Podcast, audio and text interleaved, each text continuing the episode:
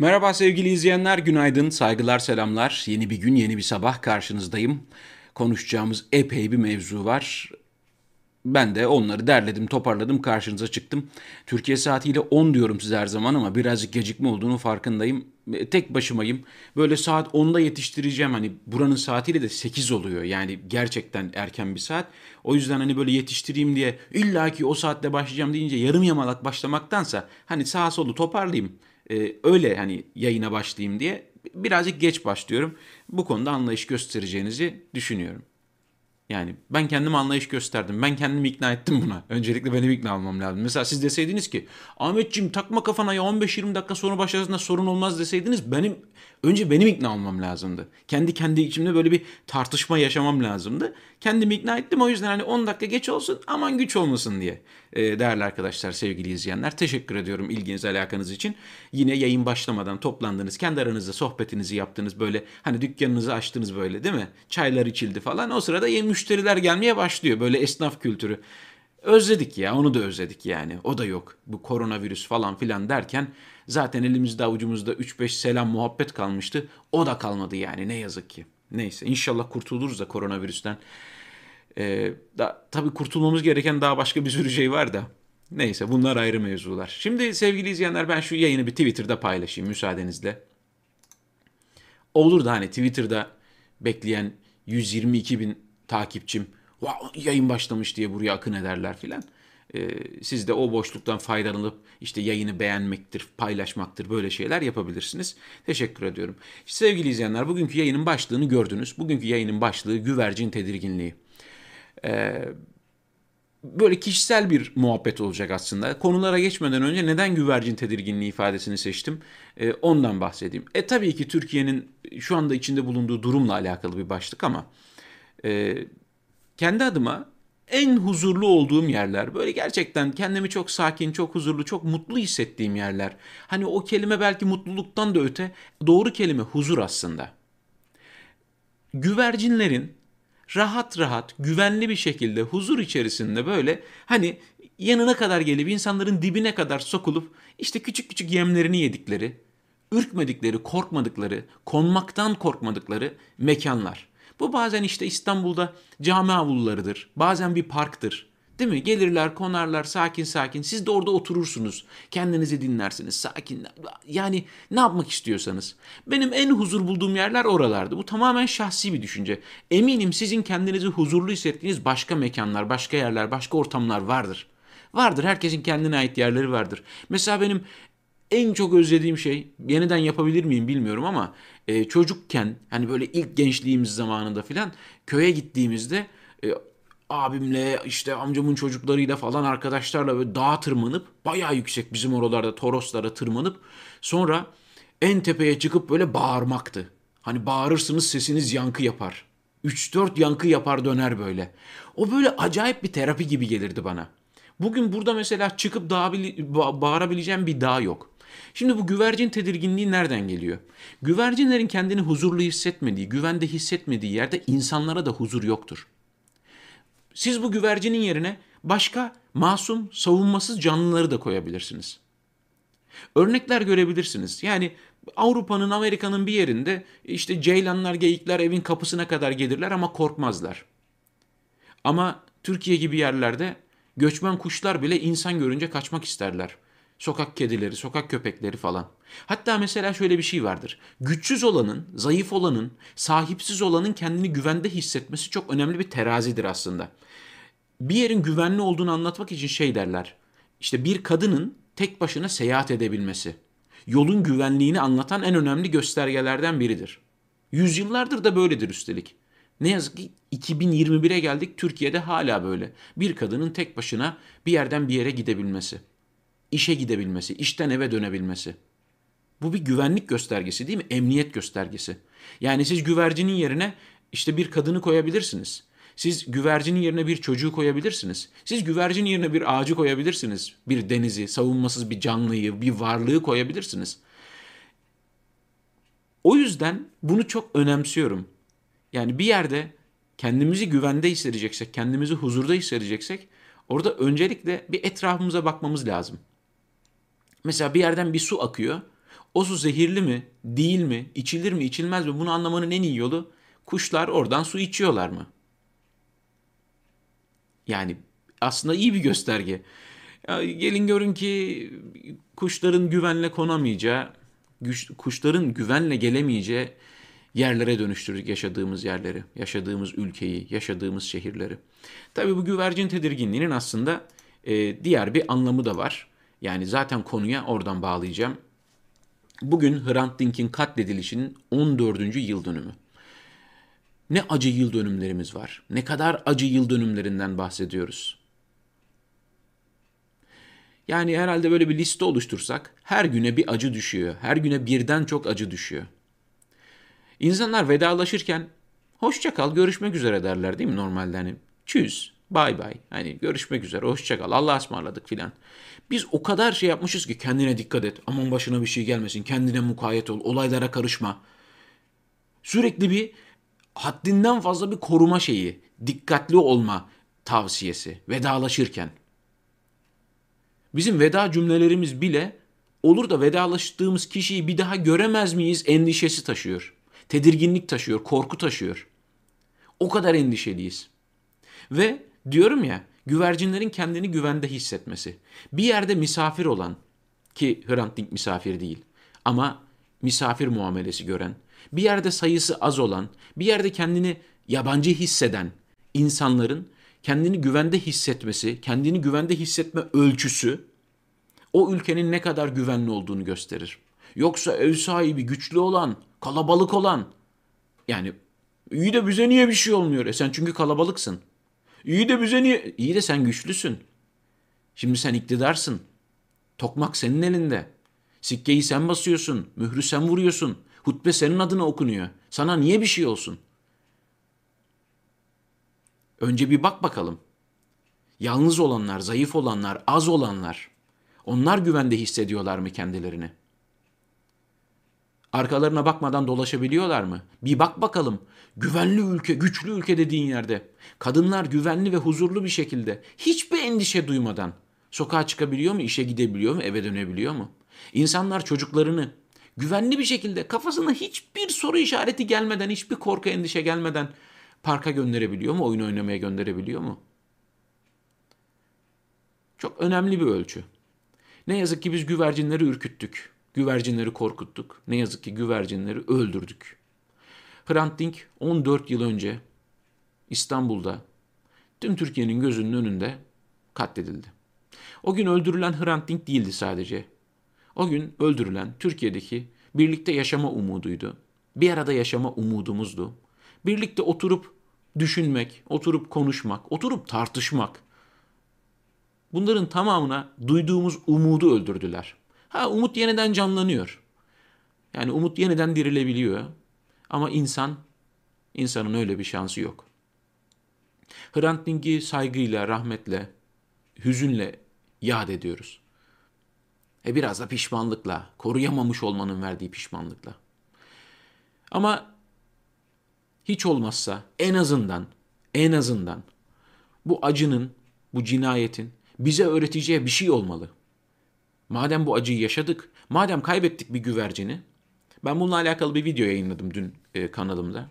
Büyük ihtimal izlememişsinizdir. Çok izlenmeyeceğini tahmin ediyordum zaten ama bu kadar da az izleneceğini tahmin etmiyordum açıkçası. Kayıp Defter diye. Hrant Dink'in hatırasına 3 dakikalık kısa bir video. Böyle insanları kaybettiğimizde biz aslında hatıra defterimizi kaybediyoruz. Bir tane defterimiz gidiyor. Bir tane fotoğraf albümümüz gidiyor. Ve yedeği olmayan şeyler bunlar. Yenilemesi mümkün değil. Kaybediyoruz. Ve kaybettik. Ve daha nicesini kaybettik.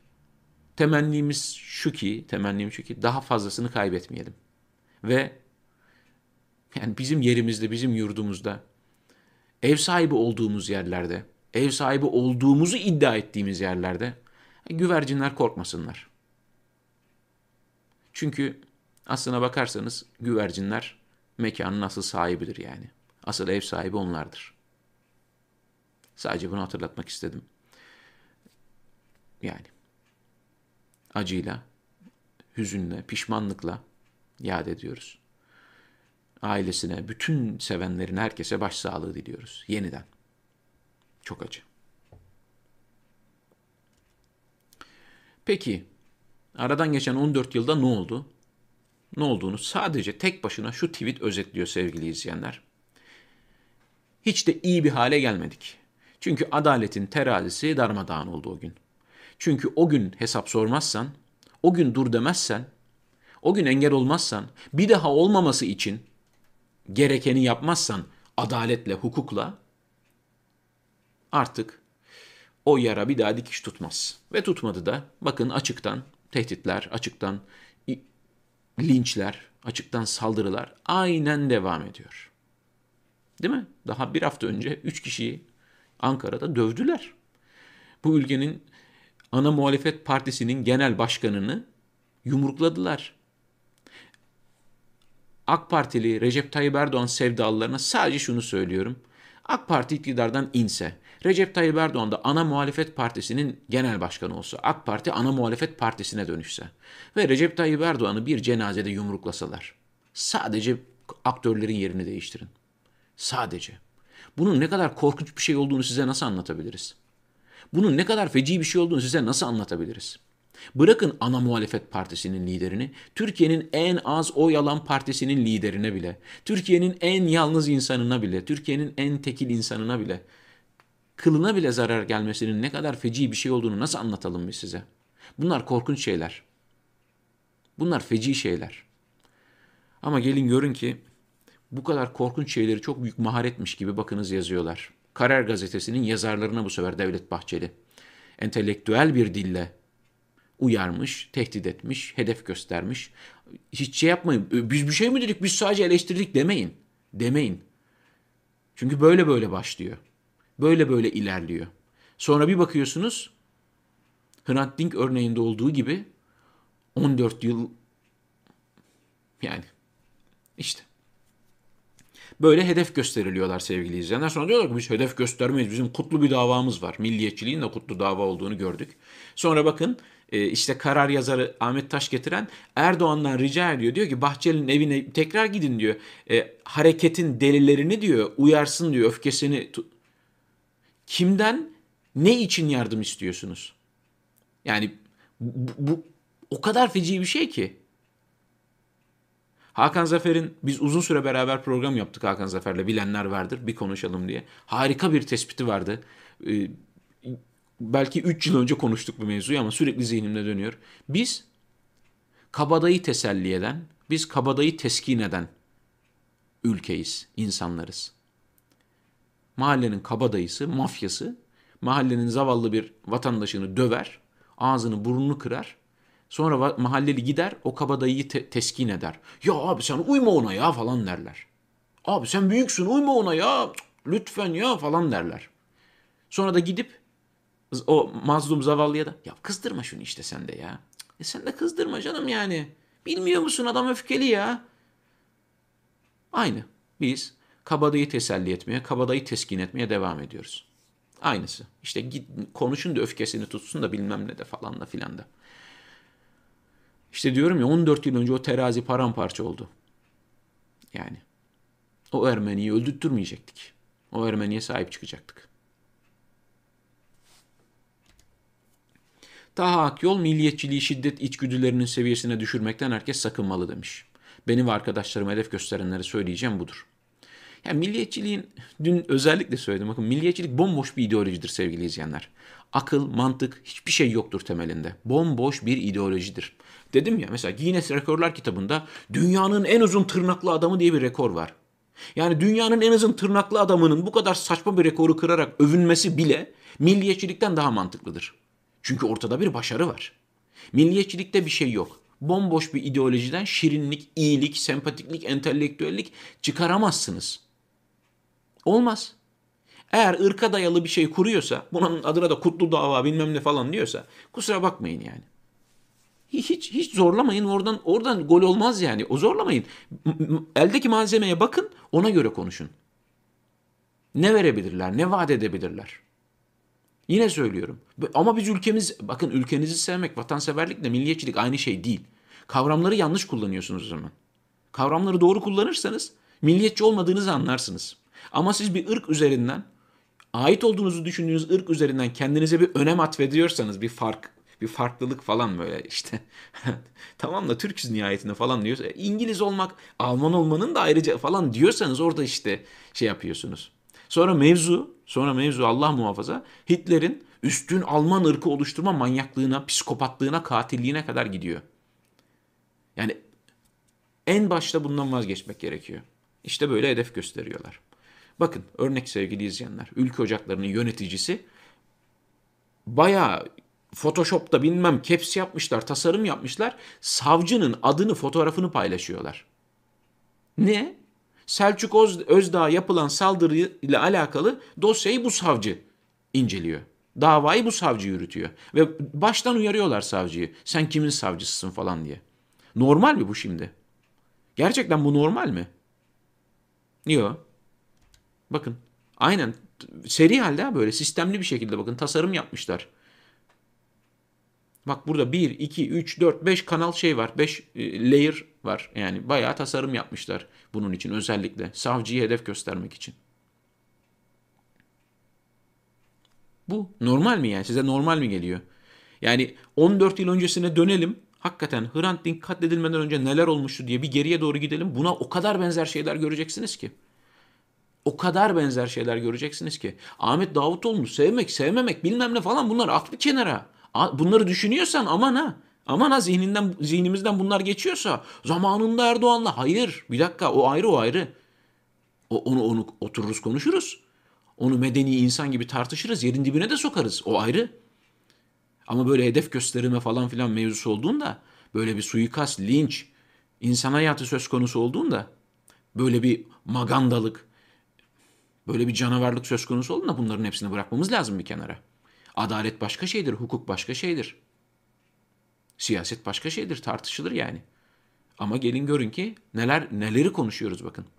Neden hepimizin aklına en kötüsü geliyor? Devlet Bahçeli'nin attığı tweet'e bakarak neden aklımıza en kötüsü geliyor adı geçen gazetecilerle alakalı? Yani bu bilinçaltı biz kendi kendimize oluşturmadık bu bilinçaltını. Kendi kendimize hayal mahsulü şeyler üretmiyoruz. Basın konseyi öldürülen Diyarbakır Barosu Başkanı Tahir Elçi'nin cenaze törenini terörist cenazesi ifadeleriyle sunan ve Elçi'nin ailesine hedef gösteren yandaş Erkan Tan'a kınama cezası verdi. Yani Erkan Tan'ın kınanması için buna bile gerek yok da aslına bakarsanız. Ama diğer taraftan bu sözlerinin kınamayla geçiştirilmesi mümkün değil. Medeni bir ülkede, hukukun işlediği bir ülkede siz bir insanı terörist olarak yaftalıyorsanız, hedef gösteriyorsanız bunun çok ağır faturası olur. Çok ağır faturası olur sevgili izleyenler. Gelsinler bakalım terörist dedikleri insanlara Almanya'da mesela terörist desinler. Yani çok net. Almanya'da yaşadığını gördüğüm bir e, AKP fanatiğinin bana yazdığı hakaretleri, tehditleri ve küfürleri ben direkt burada mahkemeye verdim. Direkt. Hiç affetmem. Bakıyorum profillerine. Eğer Almanya'da yaşıyorlarsa direkt mahkemeye veriyorum. Yok öyle. Yok öyle yani. Bana şey diyorlar yani size bize. Geldi Türkiye'de konuş. Geldi Almanya'da konuş sıkıyorsa. Ondan sonra arayı bulmak için, özür dilemek için e, türlü şirinlikler, türlü komiklikler, türlü bilmem neler, özür dilemeler, kuyruğu kıstırmalar falan. Kusura bakmayın yani. Kınamak ne ya? Bu normalde nefret suçu. Bu bir suç, bu bir nefret suçu. Böyle adamları cezaevine atıyorlar normalde. Islah etmeleri lazım böylelerini. Ciddi ciddi. Hani cezaevleri normalde ıslah evidir ya. Bunların ıslah olması lazım. Ama konuşmaya devam edecek. Hedef göstermeye devam edecek. Tehdit etmeye devam edecek. Şantaj yapmaya devam edecekler. Önce öldürecekler.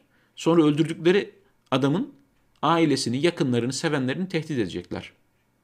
Bir tane mi böyle örnek? Bir sürü böyle örnek var. Gelin manyaklıkta son noktaya gelin sevgili izleyenler. Manyaklık daha öteye gidemez. Yani şu tweet'i okuyacağım şimdi. Bu kadar geri zekalılık bu adama bile fazla. Bu tweet'i atan şahsa bile bu kadar geri zekalılık fazla. Bu bana biraz abartılı geldi gerçekten. Necip Fazıl Sakarya türküsü şiirinde Nerede kardeşlerin cömert Nil yeşil tuna giden şanlı akıncı ne gün döner yurduna diyor ya. O şanlı akıncı Mesut Özil'miş sevgili izleyenler. Bunu yazan kim? Muhammed Safi isimli Cumhurbaşkanlığı arşiv bilmem ne başkanı. Geri zekalı.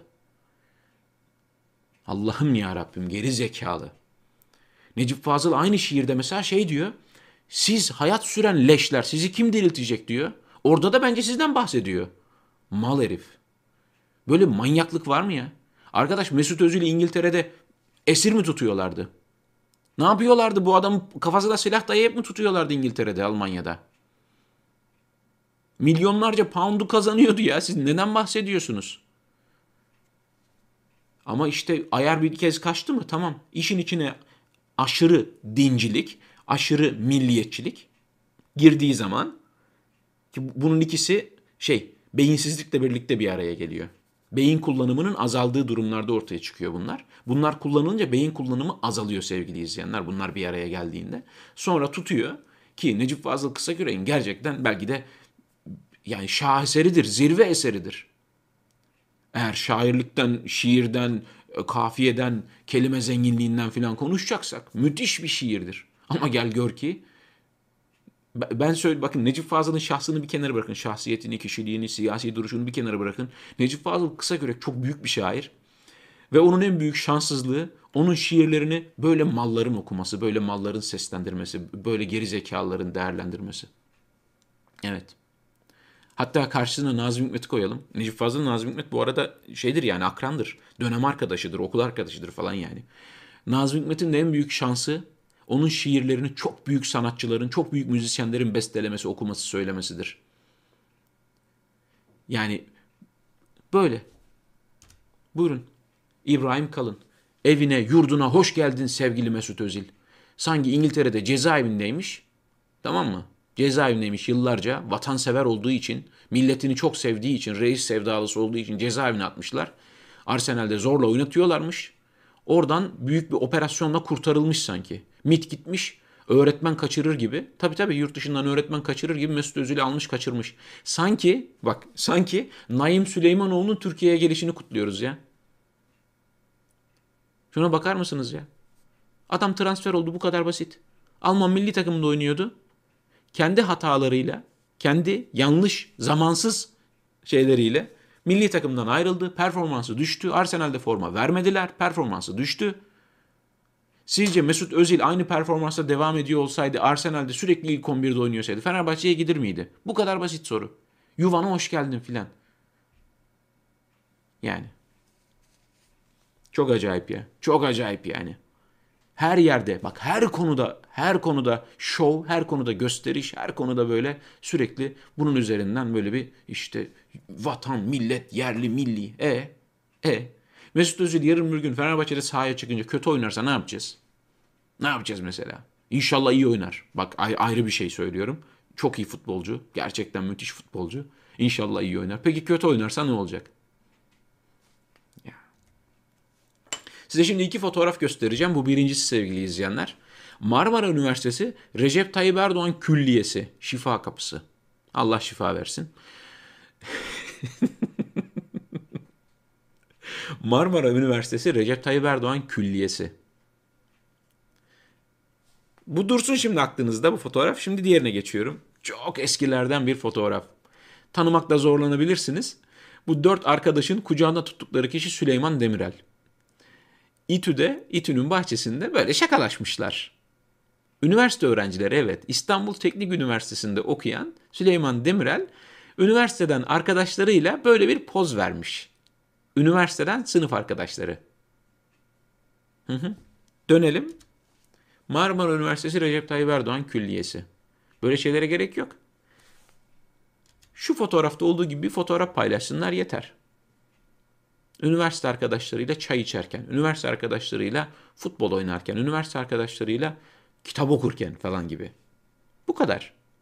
Bu kadar aslında. İşte bu fotoğrafı veremedikleri için sevgili izleyenler, ellerinde böyle bir fotoğraf olmadığı için, geçmişlerinde gösteremeyecekleri, geçmişlerinde açık açık şeffaf bir şekilde herkesle paylaşamayacakları zamanlar olduğu için karşımıza böyle fotoğraflar çıkıyor. Kendilerini böyle tatmin ediyorlar. Diplomaya yazamadıkları isme kendi isimlerini ekliyorlar. Öyle. Göstermek istedim sadece. ülkenin durumunu anlamak için çok önemli bir göstergeydi bence. Ülkenin politik durumunu. Çavuşoğlu Türkiye-AB ilişkilerinde pozitif atmosfer var. Vize serbestisi hayata geçebilir. Bakalım ne zaman yalanlanacak. Yani keşke birisi kronometre tutsa. Mevlüt Çavuşoğlu'nun yalanları. Bir de şey diyor. Gevrek gevrek. Alman Dışişleri Bakanı ile görüşmüşler de. Artık Mesut Özil'in Cumhurbaşkanımızla görüşmesine bir şey demezsiniz herhalde. Kek kek kek gülüyor. E, görüşsün Mesut Özil. Gitsin sarayda ona da bir oda versinler eğer bu kadar şey yapıyorsanız. Gidin yani. Sadece kendinize şunu sorun. Ya bizim nasıl bir cumhurbaşkanımız var ki? Bazı futbolcuların onunla fotoğraf çektirmesi bu kadar problem oluyor. Acaba aynı futbolcular başka bir cumhurbaşkanımızla mesela Abdullah Gül'le, mesela Ahmet Nezih Sezer'le fotoğraf çektirmiş olsalardı bu kadar şey olur muydu? Ya acaba bizde bizde bir sorun olabilir mi? Bizim Cumhurbaşkanımız acaba Avrupa'da filan nasıl algılanıyor? İnsanlar ona bakınca ne görüyorlar? Yani tabii ben neden bahsediyorum ya? Pardon özür dilerim. Ben biraz akla mantığa hitap edeyim, bir kıyas yaptırayım, öyle bir düşündüreyim falan dedim de karşımızda yani günlük günlük yalanlanan, yalanı ortaya çıkan ve bundan hiçbir şekilde yüzü kızarmayan bir Dışişleri Bakanı var yani. Bakanlar bu arada yarışıyor. Ha. Bakanlar yarışıyor. Hani aileler yarışıyor vardı ya. Bakanlar yarışıyor. Bakalım kim en çok yalan söyleyecek. Ya işte. Ha bu şimdi bak oradan al haberi buraya getir. Avrupa Birliği ile pozitif görüşmeler yapıyoruz. Vize serbestisi. Hop geliyoruz Twitter'a yasak. Twitter ve e, Pinterest'te reklam yasağı gelmiş sevgili izleyenler. Türkiye'de temsilci bulundurmadıkları için hala, bu arada Facebook, YouTube bunlar kabul ettiler. Yani temsilci bulundurmayı. Diz çöktüler, kabul ettiler. Bakalım ne olacak? Ben de merakla bekliyorum. Ne olacağını merak ediyorum. Yani e, hakikaten buradan yayın yapıyoruz. YouTube'dan yayın yapıyoruz. Facebook'tan yayın yapıyoruz. İşte Twitter'dan ulaşıyoruz. Instagram'dan ulaşıyoruz filan. Ne olacak? Merak ediyorum. Başka bir yol bulmamız gerekebilir yakın zamanda. Evet. Twitter ve Pinterest'te reklam verilemeyecek. Reklam veren şirketlere ceza kesilecek. Bir sonraki aşamada Twitter'ın hızının yavaşlatılması. Ya. İşte Amerika ile falan kıyaslayın böyle. Ülkesine dönmesinin ardından gözaltına alınan ve ardından 30 gün hapis cezasına çarptırılan Rus muhalif lider, siyasetçi Navalny, halkı sokağa çıkma, halka sokağa çıkma çağrısında bulundu. Korkmayın sokağa çıkın benim için değil kendiniz için geleceğiniz için. Yani ilginç Rusya'da böyle muhalefet liderleri tutuklanıyor, zehirleniyor falan. Yani işte neden Erdoğan'ın Putin'le bunca şeye rağmen kanka olduğunu da çünkü birbirlerine benziyorlar. Ee, yani birbirlerinden hani hani birisi birine bir şey dese o da onu öbürünü sen de o, o var. İyi de sen de şunu yaptın. İyi de ya falan böyle. Hani birbirleriyle eşek şakalı eşek şakası yapabilecek bir ortamları var çünkü. Hani sen naz değilsin ha falan hani böyle şey. Rahatlar. Çok şeyler. Yine de adama helal olsun yani. Zehirlendi, ölümden döndü. Tutuklanacağını bile bile Rusya'ya gitti. Bakalım. İzleyelim neler olacak. İnşallah 30 günlük e, hapis hayatı boyunca herhangi bir şey olmaz. Kötü bir şey olmaz inşallah. Biden'ın yemin töreni öncesi Washington diken üstünde. Yarınki törende neler bekleniyor? Yani Amerikan filmlerinde gördüğümüz şeyler yaşanıyor resmen ya. Yani Hollywood filmlerinde işte Beyaz Saray düştü, başkan kaçırıldı, bilmem ne oldu böyle bir sürü film var. Bir sürü film var böyle İyi, kötü, irili ufaklı o kadar çok film yapılmış ki. Şimdi gerçeğini yaşıyor adamlar resmen. Yani kongreyi içeriden dışarıdan kuşatıyorlar. Kongreyi korumak için görevlendirilen ulusal muhafızları teker teker sicil araması yapıyorlar, geçmiş araması yapıyorlar. Çünkü içeriden bir saldırı olabilir. Ulusal muhafızların içinden birileri bir şey yapabilir diye. Binlerce oraya muhafız yığdıkları için dışarıda polisler, içeride muhafızlar ve tedirginlik var, korku var. Ne olacak? Göreceğiz. Yani Trump yani efendi efendi gidecek mi? Dünya Sağlık Örgütü koronavirüs aşısının zengin ve yoksul ülkeler arasında adil bir şekilde paylaşılmamasını eleştirdi. Zengin ülkelerdeki genç ve sağlıklı yetişkinlerin yoksul ülkelerdeki sağlık çalışanları ve yaşlı nüfustan önce aşılanması doğru değil. Aynen katılıyorum. Peki çözüm ne? Nasıl bir çözüm bulunabilir? Yani mesela şunu merak ediyorum ben. Aklıma geldi çok safça bulabilirsiniz bak. Çok safça bulabilirsiniz bunu. Şimdi mesela BioNTech çok iyi bir aşı geliştirdi. Değil mi? Yani belki de şu an dünyada herkesin en çok tercih ettiği, birçok ülkenin tercih ettiği BioNTech Pfizer aşısı. Adamlar iyi bir aşı yaptılar. Tebrik ederiz. Teşekkür ederiz yaptıkları için de. Bu arada işte başka başka ülkeler, Amerika'sı, İngiltere'si, Çin falan filan aşı üretmeye çalışıyorlar. Aşı bulmaya çalışıyorlar. Mesela Türkiye yerli aşı bulmaya çalışıyor, üretmeye çalışıyor. Dünyanın her yerinde böyle bir çalışma var. Mesela BioNTech, Pfizer hakikaten güzel aşı. Bravo, teşekkürler, tebrikler. Çok iyi bir formül bulmuşsunuz. Mesela neden bunu bütün dünyada paylaşmıyorlar? Yani bütün dünya ile paylaşmıyorlar mesela. Hani oluyor ya YouTube'da. Diyelim ki Photoshop'ta bir şey yapacaksınız ve bir türlü nasıl yapacağınızı bulamıyorsunuz. YouTube'a yazıyorsunuz hop tutorial videoları var. Açıyorsunuz diyor ki işte şu efekti yapmak için CTRL bilmem ne yapacaksınız falan falan. Aa Allah razı olsun hemen yapıyorsunuz teşekkür ederiz falan. Mesela böyle hayati bir konuda neden bilgi paylaşımına gitmiyorlar? Ya da gidiyorlar da benim haberim mi yok? Yani mesela Pfizer'ın aşısı e, %95 korurken misal işte e, Çin'in bulduğu aşı neden %60'da kalıyor, %70'de kalıyor? Formülü paylaşsınlar onlar da Çin'de üretsin. Mesela Amerika'da da üretilsin aynı anda. Sonuçta altyapıları var, aşı üretme altyapıları var, tesisleri var. Bunlar kolay, ucuz şeyler değil. Ve aklıma geldi böyle sadece. Çok safça bulabilirsiniz bunu. Bir dakika sen kapitalizme karşı falan. Bilmiyorum yani aklıma sadece insani bir şey olarak soruyorum bunu. Altında bir şey arayarak sormuyorum. Yani çok basit bir şey aslında. Yeniden bir daha bir daha bir daha aşı bulmakla uğraşana kadar e bulunmuşu var. Hadi hepimiz aynısından üretelim. Tamam mı? Mesela üretelim ya 20 milyar aşı üretelim. Dünyadaki herkesi aşılayalım. Yani bilmiyorum. Bununla benim saflığıma verin. Vallahi yani böyle düşündüm de yani garip geldi bana. Hakikaten. E, satmak için e, e, tabii tabii tabii yani kesinlikle e, kesinlikle katılıyorum. Burada ticaret çok önemli yani. Çok önemli. Ama diğer taraftan da ne bileyim hani Oluyor yani mesela filmlerde işte dünyaya bir tane göktaşı çarpacak. Dünyaya uzaylılar saldıracak filan. Çin'le Amerika şey yapıyor. Amerika ile Rusya bütün düşmanlıklara rağmen ittifak oluyorlar. Birbirlerine destek veriyorlar. Bilgi paylaşıyorlar. işte veri paylaşıyorlar falan filan. Ajanlar birlikte çalışıyor. Hani niye? İşte dünyayı korumamız lazım. insanlığı korumamız lazım. O zaman böyle düşmanlıkları, kavgaları, politik bilmem neleri bir kenara bırakalım ve şimdi bir arada olma zamanı falan. Hani böyle bir durumda İlginç. İlginç geldi bana sadece. Öyle. Belki siz de düşünmüşsünüzdür yani. Yani sizin de aklınıza gelmiştir ama bilmiyorum.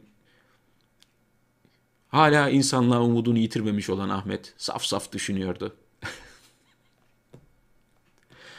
yani. Hayırlısı olsun sevgili izleyenler. Öyle sizlerle paylaşayım dedim yani bu aklıma gelen e, düşünceyi. E, 30 küsür dakikadır canlı yayındayım. Konuşacak konularında hepsini konuştuğumu düşünüyorum. Ee, şimdi diyeceksiniz ki iyi de biz ne yapabiliriz? Hani öğrenciler öğretmenlere diyor ya iyi de bu gerçek hayatta ne işimize yarayacak? Ee, benim aklıma gelen şey şu sevgili izleyenler. Ee, özellikle bugün Hrant Dink'in ölüm yıl dönümü, vefat yıl dönümü. Şu görüntüyü de değiştireyim. Aşıyla alakalı şeyler konuşmuyorum artık. Evet. Hrant Dink'i kaybettik. Onu koruyamadık. Onu koruyamadık derken sizin bizim yapabileceğimiz bir şey var mıydı?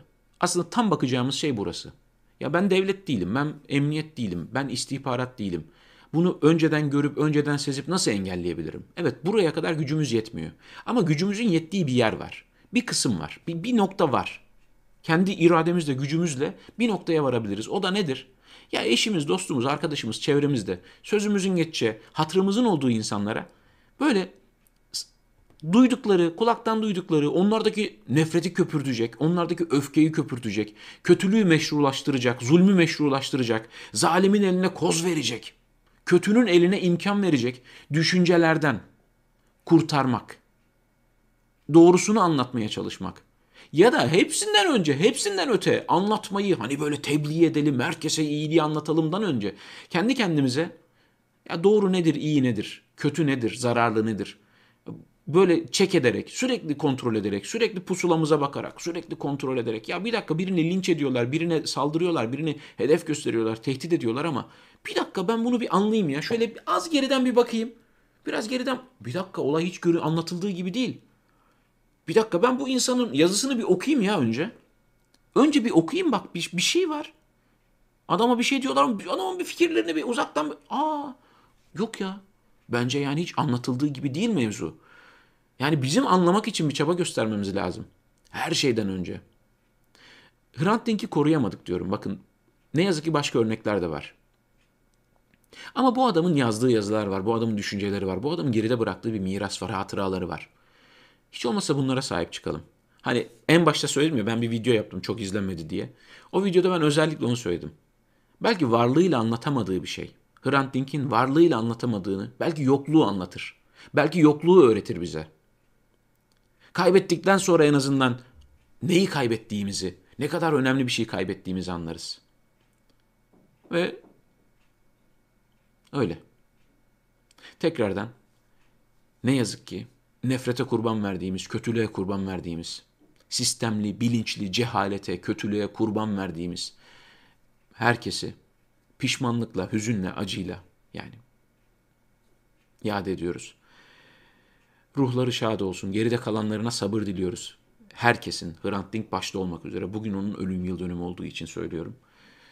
Ee, ve ülkemizde de güvercinlerin, az olanların, zayıf olanların, güçsüz olanların da özellikle onların kendini güvende hissettiği huzurlu günler görebilmeyi ümit ediyorum. E bunun için de memleketimize adalet diliyoruz. En büyük temennim bu. Türkiye. 2021'den beklentim bu. 2022'den de beklentim bu. 2023'ten de beklentim bu. Ne kadar yaşayacağım bilmiyorum ama beklentim bu. Adalet bekliyorum. Ülkemiz için, dünya için. Her anlamda adalet. Ekonomik adalet, eğitimde adalet, sağlıkta adalet, hayatta adalet, adalette adalet. Yani öyle sevgili izleyenler. Teşekkür ederim izlediğiniz için. Yarın Türkiye saatiyle 10'da bir aksilik olmazsa yine burada olmaya çalışacağım. Kendinize iyi bakın.